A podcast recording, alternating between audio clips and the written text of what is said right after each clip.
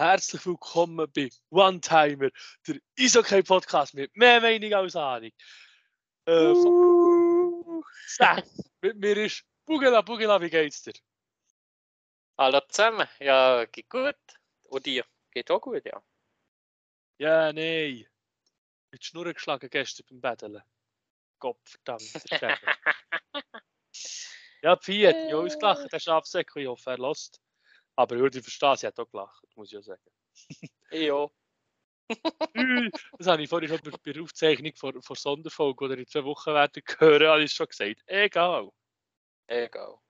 Das grosses Ding. Egal. Der hat mich auf die Schnur geschlagen. Verdammte Scheiße.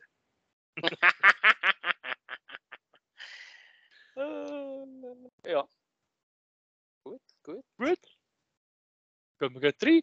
Feedback hat es gegeben. Selber schuld. Schon mal ganz schlecht. Ja, was ist das für eine Haltung? Haben wir da abfallende Kurve oder wie? Haben wir Giel? Hauen die Tastatur und schreiben? was bredet ein bisschen? Furchtbar. Wir haben uns letzte Woche so abgemurkt, dass wir den huren Podcast neu aufnehmen können und dann gibt es nicht mal ein Feedback dafür. Pfff! ja. Ja, ja. Siehst du jetzt? Richtige, Schnäbe, richtige Schneebizack-Community. ich sehe so, schon. Ich, ich sehe schon. Nach, nach. Ausstellt Weine, austeilen Weine morgen und dann erstaunen, dass wir kein Feedback bekommen. Sehr gut. Ja, ja. Wie die Grossen. Ja. Natürlich, natürlich. Oh, Bugelei hat gestern etwas Lustiges gesehen. Ich wollte mit einem Fun Fact starten. Wenn er nicht so funny ist, ist mir gleich, ich mache es jetzt einfach. Ja. Der äh, Wayne Gretzky, der Great One. Ja. Beste Hockeyspieler von allen Zeiten. Scheiß Ovechkin ist es nicht. Hat, oh, oh, oh, oh. hat in den 1980er mehr fünf oder mehr Punkte Spiel gehabt. 85 Spiele hat er fünf oder mehr Punkte gemacht und hat in 74 Spielen keinen Punkt gemacht. das muss uns mal auf die Zunge gehen. Das ist heftig. Richtig, genau. Schade, hätte ich die Match dann zumal auch gesehen Ja, jetzt Gefühl. Jetzt Gefühl, oh. das wäre interessant gewesen. Ja. So, starten wir in NHL, wie es ging. Ja. Dort ist endlich, ähm, endlich die Spieler, wo du so lange darauf gewartet hast, dass er verpflichtet wird, ist verpflichtet worden. Gut, da muss ich jetzt ehrlich sagen, wir reden hier von ähm, Patrice Bergeron. Ähm, irgendwie ist es eigentlich fast so ein bisschen wie klar von Boston, dass sie ihn nicht lassen gehen. Weißt? Jetzt Gefühl, das ist einfach nur eine Formsache vom äh, Vertrag und vom Code, oder? Aber ich habe nicht das Gefühl, äh, dass sie ihn bis zum Schluss nein, nicht hätte wollen behalten. Habe nicht das Gefühl. Und ähm, gut, verlängert. Und sie haben noch gerade einen um mit zurückgerichtet. Äh, David Krejci, tschechischer Nationalspieler. Ähm, der, die Saison war der in der tschechischen Liga. Gewesen. Äh, bei welchem ist Club der? weiß ich nicht. Ja, der ist, äh, der hat den eigentlich den Rücken zugetragen. Ja, weißt, wir, wir, wären ja nicht, wir wären nicht mehr, wenn wir nicht, wenn wir nicht würden, äh, tschechische Club sagen. Und zwar, oh, ja, das ist wieder lustig für dich. HC Olomouc. Olomouc. Olomouc, irgendwie so. Olomouc. Die spielen in Olomouc, Tschechien. Ja. genau. Ja. Nein, ähm, der, jetzt sind sie noch mit Zuckerich Boston. Und jetzt ist eigentlich auch das Trio, äh, das Ensemble, auch mit zusammen, wo dann zumal der Misch, also Stanley Cup gerichtet äh, Bergeron, Krejci und Marchand. Und wieso, wenn er dann in die tschechische Liga zurück, äh, ah, ich glaube, er hat einfach keinen Vertrag mehr bekommen. Glaube ich. Von Boston. Allgemein nie einen Vertrag bekommen, ist er eben zurück. Ich habe gesehen, dort hat irgendwie 52 Matches 49 Punkte oder so. Ja, er hat gleich schon das Alter, weißt Aber gleich, geiler Zug von Boston, haben sie ihn, haben sie ihn noch mit zurückgenommen. Und ja. Genau. Ja, äh, Bergeron hat unterschrieben 51 von um ein Jahr. Der, Bergeron hat äh, unterschrieben von einem Jahr für 2,5 Millionen pro Jahr. Krejci hat die 51 Spiele 46 Punkte gemacht. Das ist aber nicht schlecht. Ja. Genau. Gut, kommen wir ein bisschen weg von den Bruins, Boston. Ähm, Aber warte jetzt mal, Hä? warte jetzt mal. Das, das Ja. können wir nicht so schnell abhandeln. Ist der Bergeron, ich weiß nicht, sind jetzt fast schon Captain. ja, Ist der nicht ein Riesenbrecher? mal. Wieso Aber für die-? Dass sie nur ein Jahr verlängert haben und vor allem nur 2,5 Millionen. Ja, gell, ist gleich kostet ist es über noch 30. Weißt du? Oder 6 so. 36 oder 37. 37. Hä? 37. Oder? Ähm, Boston macht es eigentlich schlau. Äh, nicht wie Pittsburgh. Oder? Ähm, klar, jetzt nochmal ein Jahr tönt vielleicht ein bisschen wenig, aber gell, du musst ja denken, ähm, der gleich x Jahre in der NHL gespielt, oder? Du weißt nicht, wenn du jetzt dem Auftrag gibst von drei, vier Jahren, ja, bis 40. Und du weißt einfach nicht, ob er sich vorzeitig einmal wird verletzen oder, ähm, oder ja, die Leistung nicht mehr bringt, wobei das denke bei ihm nicht. Aber ähm, das macht eben Boston schlau. Die gehen einfach nicht in solchen Spielern noch x Jahre Vertrag äh, in einem hohen Alter oder wegen der, ja, das Risiko, der Kalt, oder? Und äh, ist einfach Geld, was sie nicht verlieren, der Verein, oder? Und ja, also da könnte ein paar Schweizer Clubs auch noch ein bisschen abgucken vom, äh, vom System der Boston Bruins. Ähm, dass man einfach nicht vorzeitig x Jahre verlängert. Auch wenn die Spieler schon ein hohes Alter haben, oder? Und ja, er ist ein Riesenspieler. Also, er ist der beste Zweiwegstürmer, der wo, wo eigentlich jetzt gerade noch auf dem Eis ist in diesen NHL, finde ich. Äh, Nico Hischer kommt auch eben, wie gesagt, ein bisschen an sein Spielstil her. Ist übrigens auch sein Vorbild, hat er mal, habe ich mal gesehen, geschrieben, äh, in einem Artikel. Und ähm, ja, nein, das ist äh, die Spielübersicht, wo ja, die Spielintelligenz und das Zurückwerken, weißt das ist halt schon ein Riesengewinn von einer, äh, von einem Verein. Weißt, wenn du denkst, hinter ihnen hast du einfach einen dritten Verteidiger, wenn es ein bisschen brennt. Und vor hast du auch einen, äh, einen der ja, geile Ideen für zaubert, oder?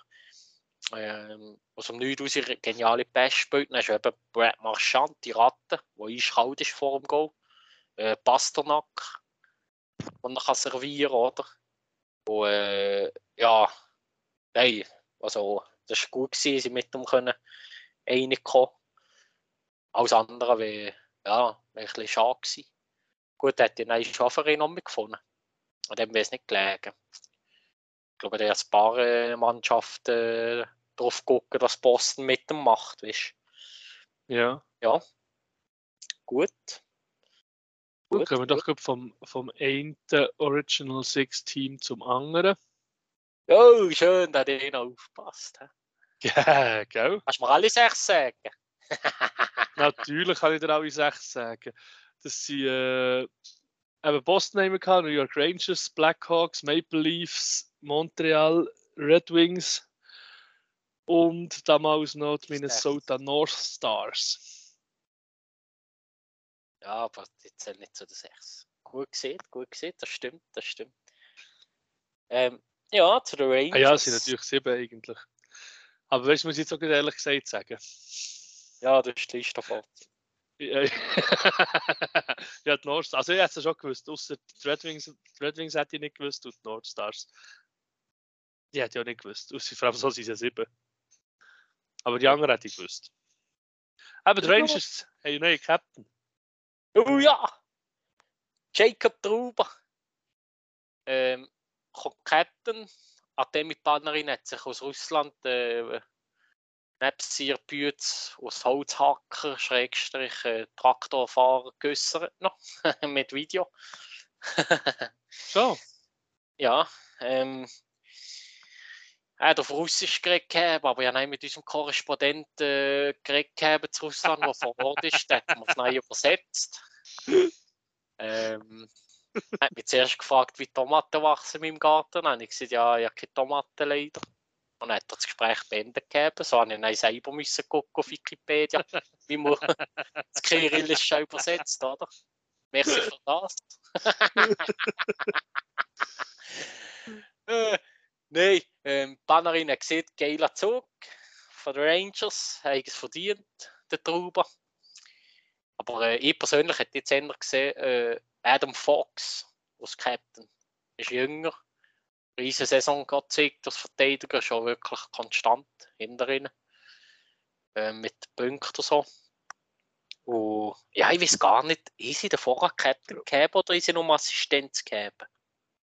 Ich glaube, eben sind drei Assistenten gegeben, oder? Panarin, ja. Panarin Zibanejad. Oh, ich glaube, eben der Truba war schon noch Assistent. Gewesen, ja, aber der Fox ist ein Hurenstein. Verteidiger, 28, äh, 78 Spiele, 74 Punkte. Ja, der ist stark. Hey, in den Playoffs 20 Spiele, 23 Punkte.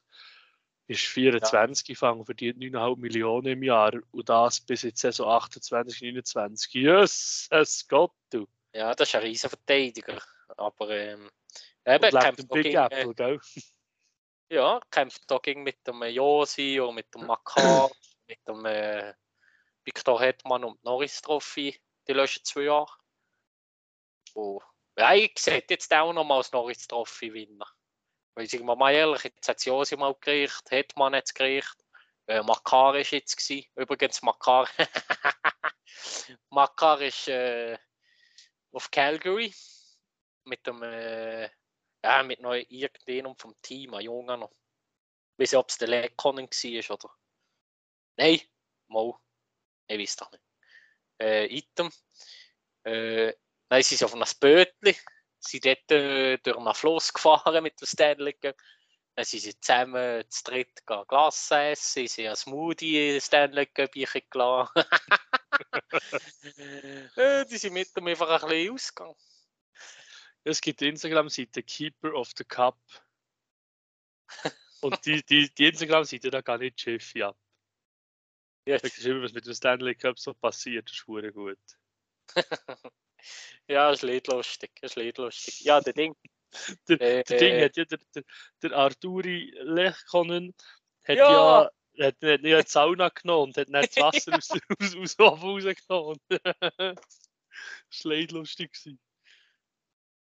Ja, das war souverän. Gewesen. Gut, also so wie auch wie dann. Ich brünne ich mit dem. Einfach am ja, gut. Das schlägt niemand. Das schlägt Ja, gut. So, gehen wir zum nächsten Original Six Team. Wir bleiben nämlich gut original.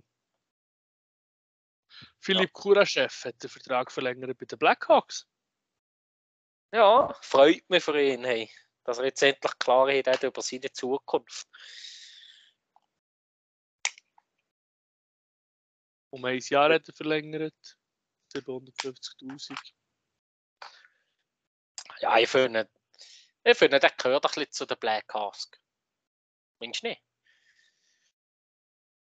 Weil, ja, ist klar, noch ein Jahr äh, muss jetzt liefern, oder? Ja. Sagen, ja, eben Kane. Kane ist auch schon ein bisschen die Jahre gekommen. Gut, letzte Saison ja. hat er ein riesen, riesen Ding um mich abgelegt, Punkte. Ja, aber Kane ja. 33. Ja. Da kann, da kann jetzt, der, da kann jetzt der, ja gut, 92 Punkte macht die 78 Spiel. Ja, aber das ist schon gut. Er soll jetzt seinen Vertrag noch abwarten. Das Jahr der kontraktiert übrigens, der, der Kane. Er soll da zu uh, kommen. Die Saison! Die ja. Saison, da wo kommt. Oh, der Sieg wird ablöfern. Der Sieg wird ablöfern. Du weißt was? Jonathan, Jonathan Taves. Oh. Uh. Das wird, das wird rebeln. Das wird rebeln wieder mal. Ja, Taves ist ja die halbe Saison verletzt gewesen, die Lösche, oder? Johnny Taves. Der jüngste Aber Captain in diesen Aber eben, ich, ich muss, ich muss auch schon sagen, ich muss schon sagen, ich, ich sehe halt den Kane schon wieder zu Biel, wie beim Lockout, muss ich halt auch sagen. Ja, die hat die auch noch gegeben, dann, der Tyler Seguin. Ja, können beide kommen, kein Problem. Ähm, ja, Kane im Vertrag soll sein. Uh, doch, das wird räbeln. Das wird räbeln. Aber ist noch speziell, dass sie nicht, dass sie nicht, äh, nicht, nicht irgendwie Trades gemacht haben oder so, weil eigentlich hat sie ja ein paar junge Spieler noch. Mit Max Domi, McKinsey, äh, McKinsey Entwistle und so, weißt du, für, eine- für gute Rebuild zu machen. Ja, ja. Aber ähm, ja, Max Domi, der hat die Club schon gewechselt, das wie die Unterhose. Der Hund geht jetzt im Geld nach. Ich weiß nicht, ob er einfach Geld geil ist. Aber er kann ja Oder hätte er gar nicht können vorher. Hat Oder viel aber- hat er nicht schon? Sechs, sieben. Ja, er, kann, er, ist, er ist erst das Jahr unrestricted free agent, vorher hat er gar nicht können. Ja, ist ja entscheiden. vorher einfach gekommen, oder? Ja, Aber das gibt ein Coyote, gut, Coyotes, Canadians, Blue Jackets, ah, Hurricanes auch noch. Ja, nein, der ist überall gleich gekommen. Ich habe das Gefühl, der hat ein bisschen schwierigen Charakter. Glaube ich. So wie das ein bisschen überkommt, weißt Oder passt Möglich. einfach nicht ins Teamschema. Wobei dann bei den Blue Jackets ist er ein Leistungsträger gewesen, oder? Wie sie, ja. ja, Wo hast du das gewusst, dass der Domi äh, Diabetiker ist? nein, Der ist, äh, der ist Diabetiker, ja, ich glaube noch, noch also ja, kennen wir nicht so aus mit den Diabetes-Typen, aber äh, ich glaube noch recht schwer im Fall. okay, der, der Jan Neuenschwander vom, nein, ja, der ist nicht beim SCB, der ist jetzt so lange noch gewechselt, der hat so, das, das habe ich gewusst. Ja, Domi auch, ja. Domi auch. Ja. Ähm, äh, Oh, der, wir der weiter. hä? Wunder mit den Blackhawks, ja. Ja, haben wir doch Äh, Carolina. Ja, erzähl, was gibt's Neues? was auch war. Ja, die hat mit dem Martin Nietzsches verlängert.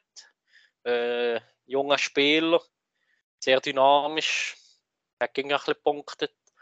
Der hat äh, um zwei Jahre verlängert. Äh, 6 Millionen, drei im Jahr.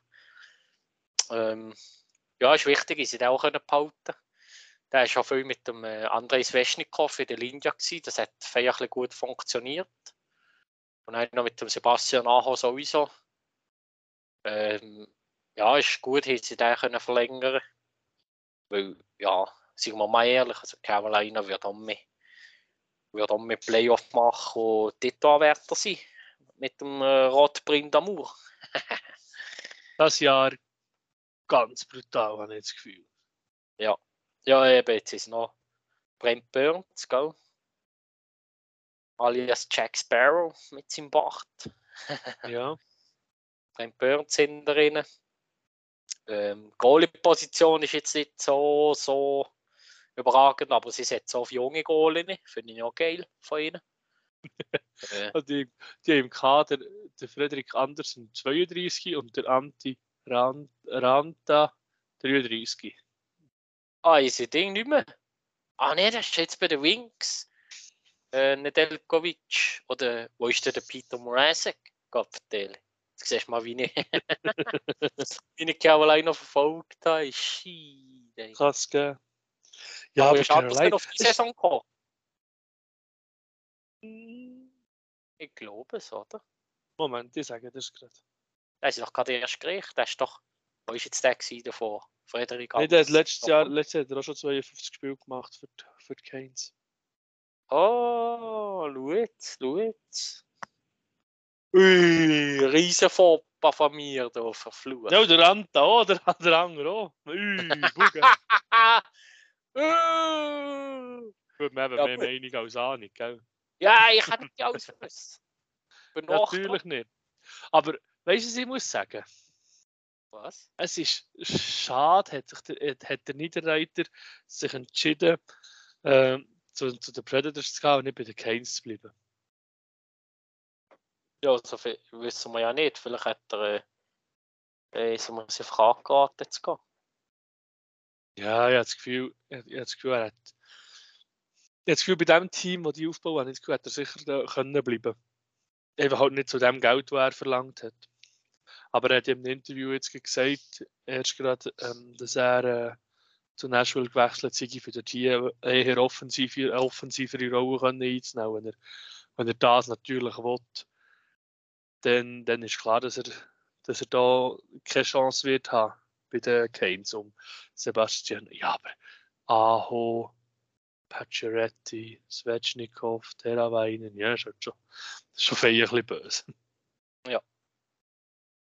Genau. Ja, gut.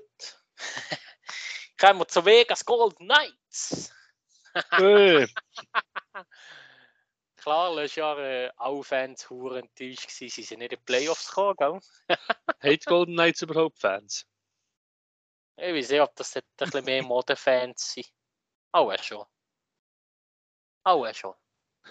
Aber äh, ja, jetzt dieses Jahr haben sie gerade nochmal in Bordstück dabei sind, Fans. Weil, erzähl. Äh, der Goalie, Robin Lehner. Das ist richtig gesagt, heißt der Robin Lehner? Ja, ja. Genau, ist, äh, hat sich verletzt. Saison weg, ganze Saison weg. Ja. Oh, er hat der kann, der, kann, der kann mit der Shakira. My Was? hips don't lie. ja, der Hip, eine Hip Surgery, alias äh, Hüftoperation, muss er sich mal machen. Das ist ein bisschen Krankheit, so ein bisschen bei den Goalen. Äh, Carey Price hat das auch mal gegeben. Und äh, ja, das tut denen verdammt weh. Das ist, äh, das ist heftig. gut, Jack Eichel muss einfach jetzt dieses Jahr aus der Ritze kommen. Ist das seine erste Saison, die er noch nicht spielt, oder? Oder hat er die Saison schon gespielt, Eichel? Was? Sorry, bin ich, nicht, ich, bin, ich bin noch bei Shakira. Gewesen. Jack Eichel, hat der schon die Saison gespielt, die Lösche da bewegen? Also, oder ist jetzt das die erste nach der Verletzung?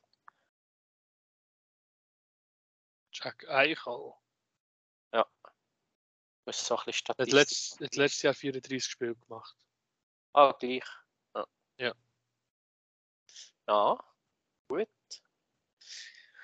Gut, hätten wir da den Cello schon abgehakt, ist nicht viel gegangen.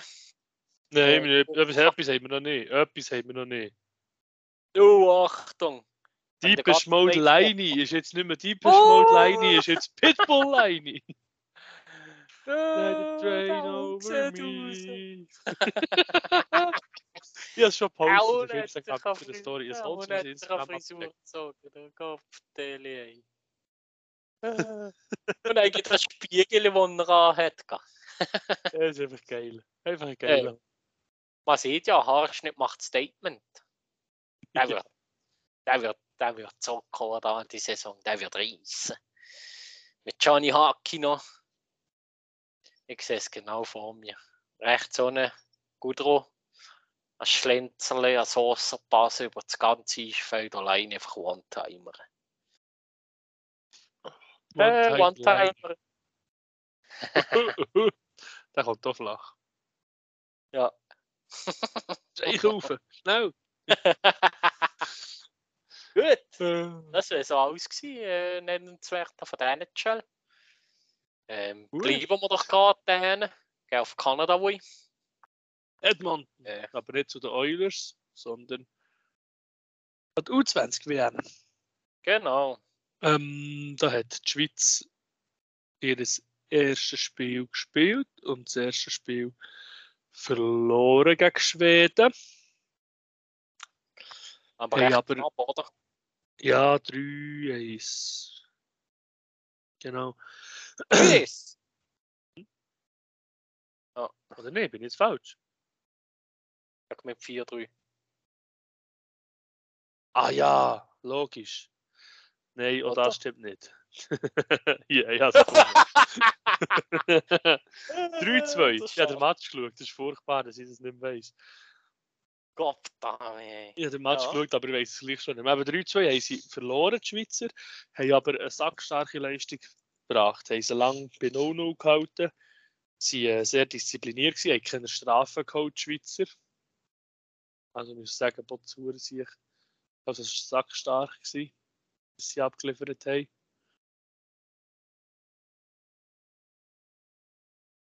Ja. Und ja, sie haben äh, dort nach das Goal kassiert, sie waren 3-0 hinten. Ich hoffe, ich erzähle keinen Scheissdreck. Die 3-0 hinten. Ja, Scheiße. Aber die sind 3-0 hinten und haben dann noch zwei Goal gemacht und hätten noch fast ausgleichen können. Kurz vor Schluss, ja, so in unserer Insta-Story da, haben sie noch Überzahlsituation gehabt, wo die Schweden 5 Minuten Strafe genommen haben. Also richtig gut ausgesehen, was die abgeliefert haben. Und vor allem ist, finde ich positiv zu erwähnen, körperbetont gespielt haben sie die Schweizer. Also die haben richtig hart auf den Mann gespielt. Hast richtig gemerkt, dass der Schweden auf den Sack gegangen ist. Dann sie, haben die Schweden, die Schweden sich verleiten dazu, für eine Strafe zu nehmen. Und das ist ein bisschen schade, haben sie es nicht gewonnen gegen die Schweden, weil die Schweden haben richtig viel Strafen genommen, aber die Schweizer Powerplay hat keinen Weg gefunden gegen die Schweden. Aber dann, man muss halt auch sehen, dass äh, die Schweden U20 natürlich viel stärker ist als die Schweizer U20. Kann man nicht vergleichen wie bei den, äh, bei den Senioren, oder? Ja. Und dann ist, haben sie am Freitagmorgen am 4 Uhr ist das zweite Spiel gewesen, habe das auch geschaut, der Wiederholung aber. Und dort hat dann der Noah Dölemon wieder gespielt, der war vorher noch verletzt, gewesen, gilt es noch zu erwähnen. Dort haben sie 7-1 kassiert, haben aber bis zur Mitte des Spiels äh, super mitgehabt, haben das 1-0 kassiert, haben noch das 1-1 geschossen. Dann kurz vor der zweiten Pause sind sie richtig eingebrochen, haben dann paar Goal kassiert und dann im dritten Drittel ist nicht, noch nicht viel zusammengepasst, wie er die 7 zu 0, äh, 7-1 Niederlage zustande gekommen.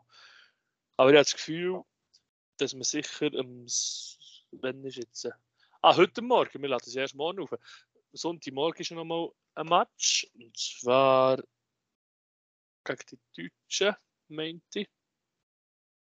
Uh. Und dann noch einen gegen die Österreicher. Eigentlich am Montag am Abend um 8 Ja. Und jetzt wieder diese gute Chance. Und wie es heute Morgen ausgegangen ist, werden die auch wissen. Wir jetzt halt noch nicht, wir nehmen am Samstag auf. Ja. Genau. Und sonst so aufgefallen bei der U20 WM, vor allem Mason McTavish. Mason McT. Zwei Spiele, vier Goal, vier Assists, acht Punkte. Vier Punkte pro Game, Alter. Das kannst du ja nicht studieren. Ja, der ist eins von diesen Challenge.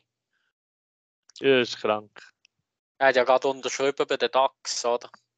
Ja. Einsteigervertrag. Also der wird die Saison spielen. Ähm, ja, der wird. Der, der eben stark. Ey. Eben diesen Zöhnen zuzugucken. Conor Bedar, der nächstes Jahr treffen kommt. Ähm, der, hat letztes Jahr schon, der hat letztes Jahr schon neun Spiele gemacht im Fall. Was? Für, für DAX. Mason McDavish. Aber er ist auch ja. mit zurückgekommen in die äh, Junior, oder? Ja, er hat in, ja. Ontario Hockey League gespielt, bei den Hamilton Bulldogs 24 Spiele, 40 Punkte. ja, eben, du hast ja in diesen Challenge schon, wenn du als Trainer bekommst schon Anforderungen vom GM weiter oben, äh, die Jungen haben Zeit in 9 Spielen äh, zu liefern, oder? Ja. Und dann kommt entschieden, ob er äh, in der NHL wird bleiben oder äh, in der, also ja, die Juniorenliga respektive in der halt zum Beispiel. Oder? Und, ähm, eben, du hast einfach, die, das, wieso nicht, einfach die neun Spiele, die hat ja jeder, wenn er sich Zeit hat zum Beweisen, oder? Und ja, dann kommt anhand von diesen neun Spielen die Statistik ausgewertet und entschieden, ob er bleibt oder nicht, oder? Aber äh, ich sage, die Statistik spricht für ihn, der hat jetzt den Kopf hängen hat weitergespielt und weitergepunktet. Und ich habe das Gefühl, der wird nächstes Jahr fix einen Platz haben bei den DAX. Weil eben, jetzt hat Getzlaff gehört, oder? Jetzt, jetzt müssen sie junge Herren holen. Klar, Playoff wird auch nicht bei den DAX. Äh, auch wenn sie John Klingberg gerichtet haben. Ähm, ja. Ja. Ich sage, dass der McDavish nächstes Jahr eine feierliche Eiszeit wird bekommen. Und er passt doch ein in das Spielstilsystem an, das sie haben, DAX. Weißt, mit dem äh, bisschen verspielt sein, aber gleich ein bisschen Routine drin. Weißt? Äh, eben, du siehst mit dem Trevor Seagrass, äh, der zwischen immer das Dings packt, äh, das Dreckli oder, ähm, ja, oder mit dem, dem Dreisdale hinten Kommt gut bei den DAX, das kommt gut. John Gibson, der genau bleibt ist, oder? Ja, genau. Genau. Ähm, ja, eben, Conor Bedar. Äh, Conor Bedar hat jetzt in den zwei, zwei Spielen zwei Goal, zwei Assists gemacht. Ja. War nicht schlecht. Wo, ja, wie ihr in der Löschefolge seht, oder die vorherige, äh, wie viele Punkte er die Juniorenliga gemacht hat. 100 Punkte in 64 ja. Spielen. Uh, ja, einfach Choices äh, First Overall äh, prognos prognostiziert. ja. Gut. Mir fällt da auf, wenn ich die Scorerliste anschaue. Der, äh, ja. der Deutsche, der Alexander Blank. Der ist noch gut, der hat letztes Jahr in DEL gespielt für Krefeld Pinguine. Der hat in zwei Spielen drei Goal und Assist gemacht. Steht also noch über dem Conor Bedard. Conor Bedard ja, übrigens gut, mit, mit, vier, mit vier Punkten aus zwei Spielen nur auf dem achten Platz. ja gut, da kommt der neue gegen Ende WM äh, abgerechnet. Gell, ja, ja, klar. Ja, ist ganz klar, Bedard und McDavish sind die Leistungsträger von Kanada. Gut, äh, sie hinter ihnen haben sie noch ähm, äh, wie hieß der? Nein, äh, Verteidiger, der nicht schon gespielt. Ähm, etwas mit F. Ah, wie hieß der jetzt? Dyson, guckst du nach, wie hieß Ja, ich bin dran. Also die haben Zell, Zellweger, Thompson, Sealy, Sibrango, O'Rourke, Lambos, Del Mastro und Cormier sind Verteidiger. Wo Sturm, sagen wir. Kanadier. Äh, Bedard, Coil, des Neuers, Dufour, Forrester, Gosche, Greg Johnson, Kidney, McTavish, Ostapchak, Othman, Ra und Stankoven. Broekfaber heet er. Broekfaber. Aber dat is er wel Ami. Dat is er wel Ami. Ja, ja, ja, ja, ja. Toegeef. Broekfaber. Genau. Ja, das ist Faber, genau. Das ist Captain. Ja, genau. Äh, was spielt der in welchem Team? Nicht bei den Nashville, oder? Minnesota Wild. Ah, wobei. Ist er davor bei Nashville gewesen? Ich glaube nicht, dass das schon einmal anders war mit. Kann er gar nicht. Schafsäckel. weißt du, der, der hat Olympia gespielt, aber spielt nächstes Jahr noch an der University of Minnesota, der NCAA. Ja. Ui, da ist immer, dürfen, da ist immer dürfen auf den Sack gegangen bei, bei MySports. Immer NCAA. Du bist NCAA. Ah. Jetzt schießen wir schon mal gegen MySports. Zu Recht! Nein, aber sonst, sonst machen sie es wirklich gut. Ja, ja, ja. Gut. Da nicht. Ja, ah, und übrigens, der, ja. der, äh, bei, den, bei den Amis spielt der halb Amerikaner, halb Kanadier, der Thomas Bordolo. Ist das der Bub von Sebastian? Das ist der Bub von Sebastian Bortolo. Ehemaliger SZ, oder? Genau, und der kleine Bortolo hat die Junioren einen Teil der Junioren auch beim SCB gemacht. Ach schon? Steht nämlich in als, äh, völlig der Perspektive als Team SC Bern. Weil der Bordelot war ja beim SCB, gewesen, wobei er aufgestiegen ist, ist der Bordelot zu, zu, äh, ja. zu Biel gekommen. Und das weiß ich noch, der Bordelot, der hat jedes Bulli gewonnen. Jedes Bulli hat ja. er sich gewonnen. Da bist du fast in, fast in Spagat gegangen, am Pam. Mhm. Der ist auch stark am Bulli. Ich noch, das ja. ganz verreckt. Und der Jung hat eben gegen die Schweizer jedes hure Bulli gewonnen. Sackstark. Ja, die werden das Bulli gemacht haben, die haben hinter uns. ja, schon. Ich die Mutter das Bälle drin geschmiert. So, jetzt. Oh, jetzt. genau. Aber ja, ist noch lustig Anekdote. Ich, ich weiss noch, einmal der Porto, gell? Der hat einen gegen Rappi. Bio hat schon lang geführt, irgendwie 8-2. Und dann hat, hat einer von Rappi hat ihn, hat ihn provoziert und hat genau den von Rappi ins Goal geschossen. Die Händchen fort und hat dann sich Fresse gehauen vom Schönsten. Gell? Ja. Und dann wir natürlich dann, dann zumal, oder nach dem Aufstieg, ja, da hat man Sieg gefeiert wie einen Meistertitel zu Biel, oder? Eine halbe Stunde nach dem Match immer noch Portolo, Portolo. Und dann hast du noch die Wellen machen. das war lustig. Na gut. Genau, ja. Und das Ding, wir, wir das nennen noch in die, in die Insta-Story. Das Bässli da, das, das, die Kombination vom, äh, vom Pedal. Oh, ja. Eieieiei. Ach, das könnte zu Spieler in 5 stehen. Ja, ganz verreckt. Krank, richtig krank. Ja gut, schlemmen wir mal über den See über, oder? Iu, haben wir noch heute in die Schweiz. Ja. Ähm, ähm, ist schon nicht so viel gegangen, gell? Nein, die Saison, äh, die Saison. Die Woche ist nicht viel gegangen. Der äh, Claude Gurtin Paschu bekommt einen Probevertrag beim HCD. Ja. Für, äh, bis, bis zur Saison her. Kann Testspiele auch mal mitmachen. Das Zug sind die Saisonkarten ausverkauft. Wieso? ja, da muss man sagen, ja. dass der meiste Titel halt die Leute schon ins Stadion lockt. Weil man hat ja, wenn Corona schon nicht so ist man sich nicht so sicher gewesen, ob die Leute nach Corona wieder ins Stadion gehen oder nicht. Also. Ja. Ja, ich weiß gar nicht, wieso dort schon ausverkauft ist. Also ich habe auch keins. ja, ich auch nicht. Ich habe schon eins, aber nicht, nicht zu Zug. ja, und er Servet. Servet. Gottverdammt Servet. Hartikainen. Umschrieben. Sehr wett. Definitiv jetzt. Man hat es ja schon vermutet, aber jetzt noch definitiv. Ja. Batz, hure sich. Ja, Genf.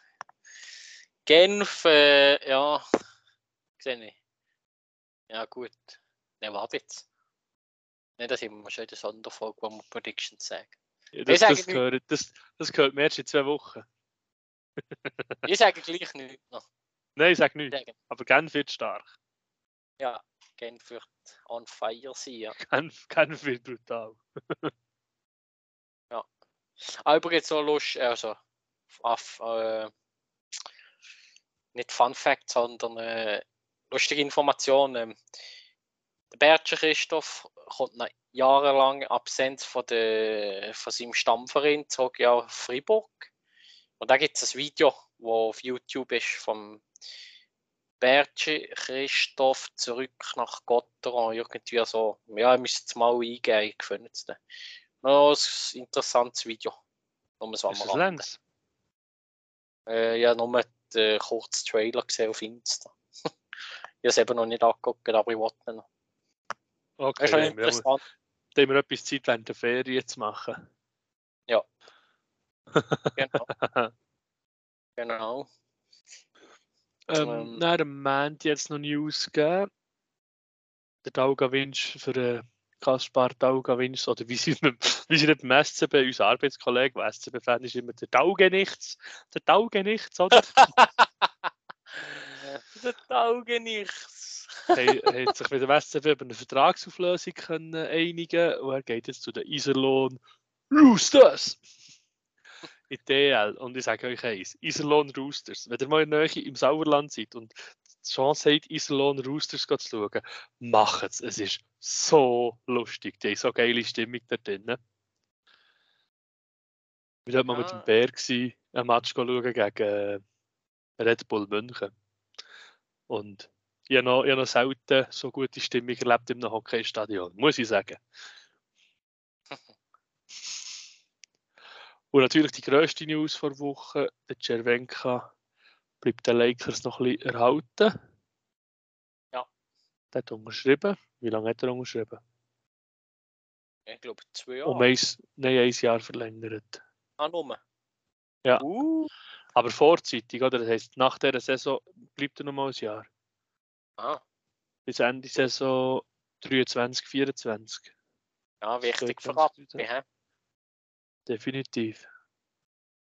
Hey, was mich echt die auch nicht, äh, die wäre gerade im Loch. Ja, ich habe das Gefühl, die hat ein ziemlich Problem. ich glaube, das kriegt gerade zusammen, das Kartenhaus, wenn der mal sättig geht. Rapperswil. Geht doch gar hey, mal Rapiona. ja, falls, jemand zu, falls uns jemand zulässt von Rapperswil, ist mir das Rappi Bratwurst auch ohne Senf. Uh. heftig, heftig, heftig. ja, wahnsinnig heftig. Ganz verrückt. Ich will eben schon lange mal toll mal einfach, einfach eine Wurst essen mit Senf. Allgemeinen, ich das ist mal lustig. Ich glaube, ich, glaub, ich habe mich hure verschwartet. Nein, die sind nicht. Ja, pass auf. Wenn die die Dialekt hören reden, wenn ich die Dialekt hören reden, dann ich jetzt du seist, du ja nicht Schweizer.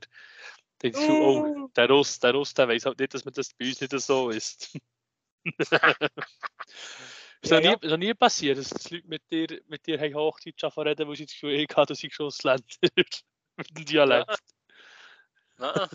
ähm, wenn es mal lustig gegeben hat, um einen Arbeitskollegen, äh, Thurgauer. Ähm, ja, ich nicht verstanden, und er mir nicht. Am Schluss von, am Schluss von der Telefonat haben irgendwie beide gesagt, ja gut, äh, schöner. Aber äh, verstehen, ich habe jetzt nichts verstanden. Und er mir glaube ich auch nicht.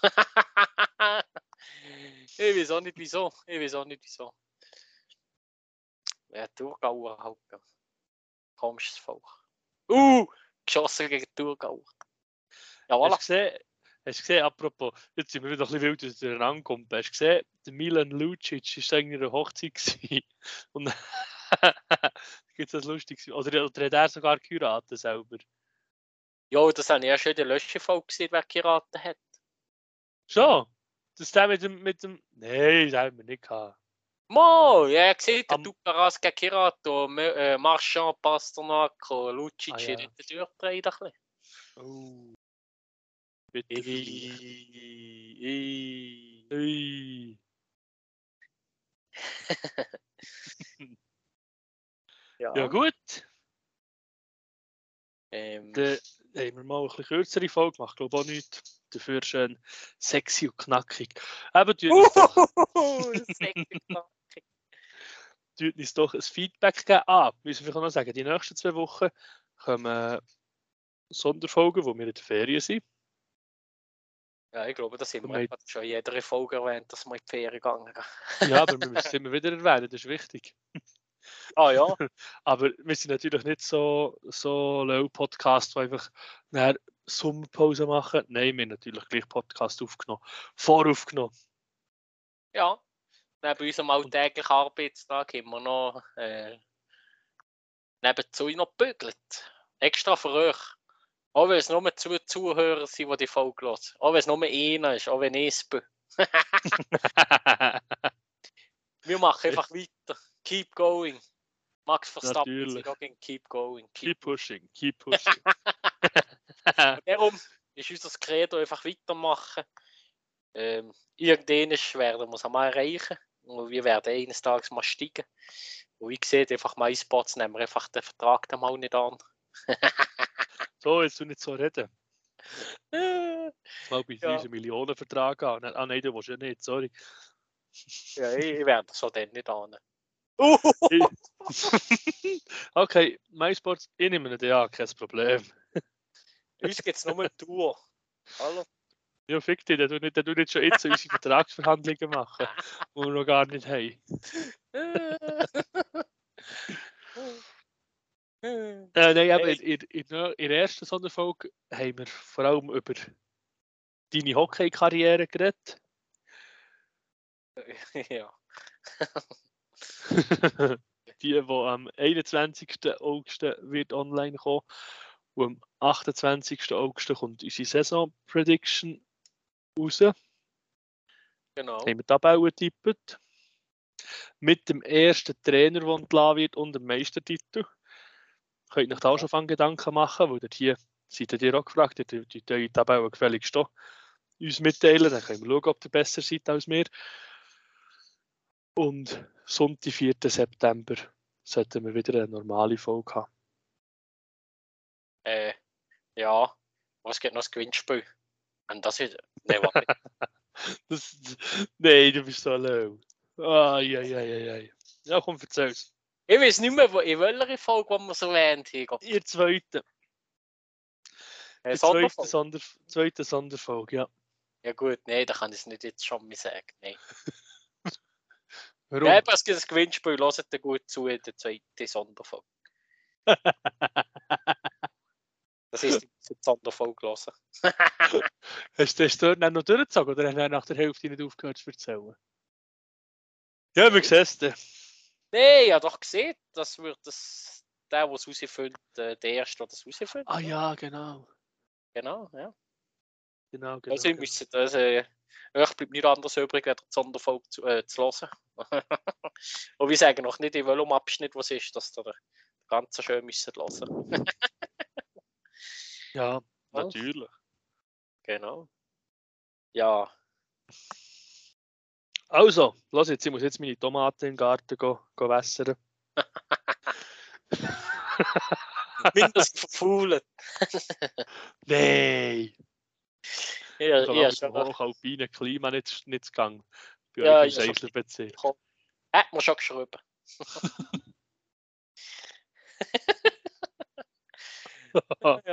so. Gut, gut. Ugela, ab in die Ferien. Ja. Erzähl. Mach einen Schluss. Arrivederci. Nein, das nicht. ja, nicht abgebracht, nein. Und Ui, der ist jetzt richtig schlecht. Ja, wir lassen ihn drin, hast du hier nicht raus, gell? Man nicht das Gefühl hat. Ja, jetzt habe ich aber schon Tschüss gesehen. Ah. Ja, nein, hast du ja nicht, du hast Arrivederci gesagt. Ja. Also, das Mann, reingeschnurrt, sag's nochmal. Und Tschüss.